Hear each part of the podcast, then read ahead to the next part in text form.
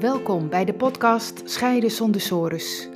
Ik ben Annewieke van der Boom en ik begeleid mensen die op het punt staan te scheiden en bang zijn voor een financieel drama, verlies van contact met je kinderen en eindeloze discussies met hun partner naar een nieuwe situatie waarin je meer quality time hebt met je kinderen, weer respectvol en ontspannen met je partner kunt communiceren en weer financiële duidelijkheid hebt.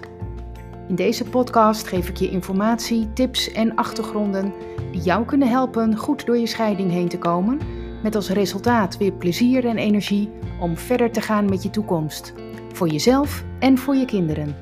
Dat is Scheiden zonder sores.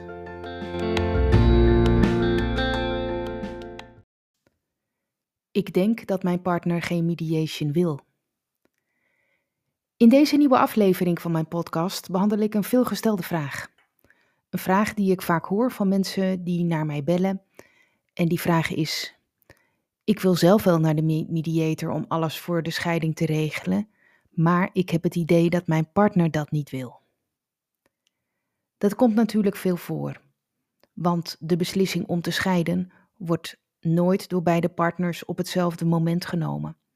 Het is eigenlijk altijd zo dat een van de partners al een tijd ermee rondloopt en soms al wel eens aan de ander wat signalen heeft gegeven of wel eens heeft gezegd dat hij of zij nadenkt over een scheiding, maar bij de ander is dat nog niet zo overgekomen als dat het ook echt definitief gaat gebeuren. Je kunt toch altijd wel een twijfelmoment hebben in je relatie. Uh, dingen kunnen ook overwaaien. En dan zeg je wel eens dingen die je eigenlijk niet zo meent. Maar goed, op een gegeven moment kan het voor jou toch zo zijn dat je wel echt de knoop doorhakt. En daar heb je dan zo je eigen redenen voor, die heel persoonlijk zijn. Dat beslis je ook niet van de ene op de andere dag. Daar gaat veel tijd overheen, maanden, soms ook wel jaren. Ja, en dan ben je er zelf al wel aan gewend, aan het idee dat er een scheiding aan zit te komen. Maar het is meestal niet zo voor je partner. Die heeft zoals ik net zei, misschien wel wat signalen gehoord, maar die staat er niet echt bij stil dat het ook wel eens definitief kan zijn. Dus ja, op een gegeven moment ga je het dan vertellen aan je partner. Misschien heb je het al gedaan, of misschien ga je dat nog doen. Voor je partner is het dan een hele schok. Uh, en er komen ook veel emoties bij kijken: verdriet, ongeloof, boosheid, alles door elkaar heen, noem maar op. En dat is het, het sterkste de eerste paar weken nadat, nadat je dat hebt verteld. En na een aantal weken, dan zijn de eerste emoties wel wat gezakt. Ja, en dan komt voor jou het moment dat je het met je partner wil gaan hebben over de manier waarop jullie uit elkaar gaan en waar, uh, de manier waarop jullie alles gaan regelen hè, voor de toekomst. Met jullie kinderen, met de financiën, met de woning. En daar begin je dan voorzichtig over tegen je partner, want je hebt je al wel wat verdiept in de mogelijkheden. je, je hebt waarschijnlijk uh, wel een collega gesproken of vrienden, of je hebt informatie opgezocht op internet. En dan uh, heb je wel uh, daaruit gehaald dat een scheiding met twee verschillende advocaten, dat dat niet de meest fijne manier is dat is eigenlijk heel naar. En je wilt ook geen vechtscheiding. Dus ja, uh, jij hebt al wel de keuze gemaakt dat je het liefst naar een mediator wilt gaan. Ja, dat weet je voor jezelf. Maar als je hier dan over begint tegen je partner, wordt hij of zij snel boos of loopt weg, uh, gaat huilen of raakt in paniek. Of, uh, of de ander zegt: uh, nee hoor, uh, dat wil ik beslist niet. En trouwens, ik ga gewoon naar een uh, eigen advocaat, dat je, het, dat je het weet. Ja, en die reactie is niet zo gek. Want jij zelf bent immers al wel een tijdje gewend aan het idee om te scheiden. Maar voor de ander is het nog heel vers en ook heel emotioneel. En dan krijg ik vaak de vraag: hoe moet ik dat dan aanpakken? Ik heb het namelijk het idee dat mijn partner niet naar de mediator wil. Wat kan ik doen? Of ja, ik denk dat het hopeloos is. Nou, en dan geef ik altijd uh, een paar tips en die um, ga ik nu ook met jullie delen. De eerste vraag um, die ik stel is dan: heb je echt concreet voorgesteld om naar een mediator te gaan? Ja, dat klinkt heel simpel, hè? Maar uh, vaak is het toch nog niet duidelijk genoeg gezegd. En uh, dan antwoordt um, degene die de vraag stelt vaak uh, aan mij: Nou ja, of ik die vraag heb gesteld, ja, ik, ik heb het wel zo'n beetje gezegd. Ja, volgens mij, volgens mij wel. Ik, ik, ja, ik ben er wel over begonnen. Ja, je hoort het nu al wel aan mij. Ehm, dan was de vraag te vaag gesteld. Het is belangrijk om het heel concreet en duidelijk te vragen en ook op een neutrale toon. Dus je kunt bijvoorbeeld vragen uh, op de volgende manier. Ik wil graag naar iemand toe gaan die ons kan helpen om alles voor de scheiding te regelen. En ik vind het belangrijk om het in overleg met jou te doen.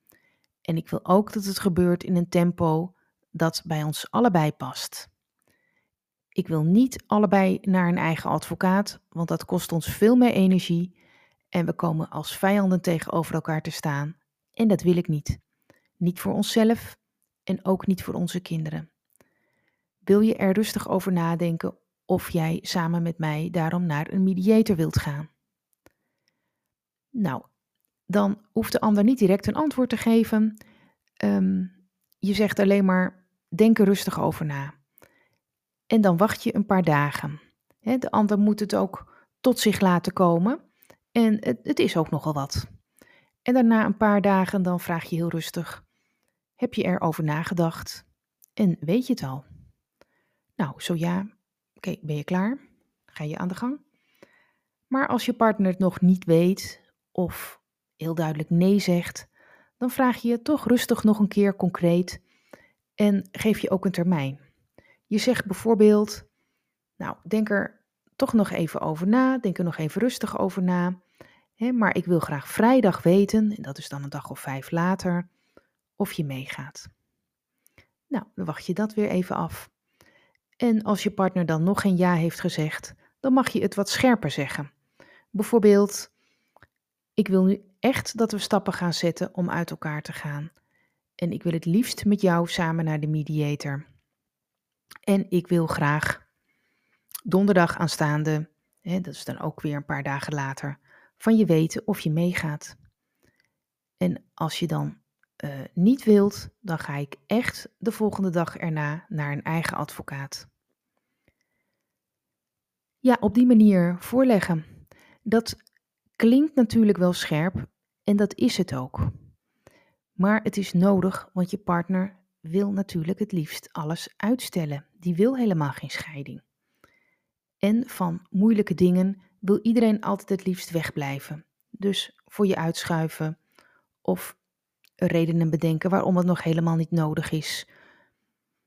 Um, ja, en mijn ervaring is dat um, als je het zo aanpakt, dat de ander uh, dan toch wel inziet dat het nodig is om iets te doen, ook dat het nodig is om daar um, een professional voor in te schakelen.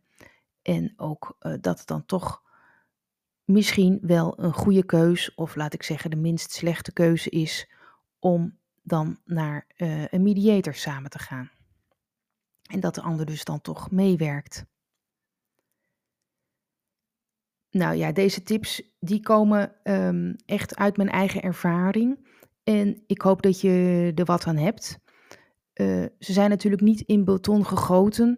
Hè? Um, uh, er zijn vele wegen die naar Rome leiden. En natuurlijk moet je altijd je eigen moment kiezen. Iets, iets wat bij jou past. ook je eigen tempo. Ehm, en je eigen woorden. Maar voorkom dat het echt jaren duurt. Want je wordt er allebei niet beter van om zo lang in een onzekere situatie te leven want dan zit je dus in een soort schemergebied tussen wel gescheiden, niet gescheiden, een beetje gescheiden. Ja, we hebben wel wat dingen gesplitst, maar ja, verder toch nog eigenlijk niet.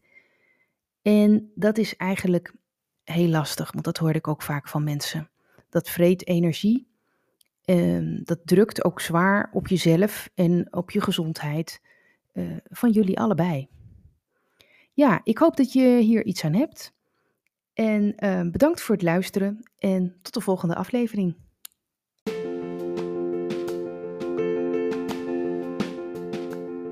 Leuk dat je hebt geluisterd naar deze aflevering. Ben je benieuwd naar meer? Abonneer je dan op deze podcast.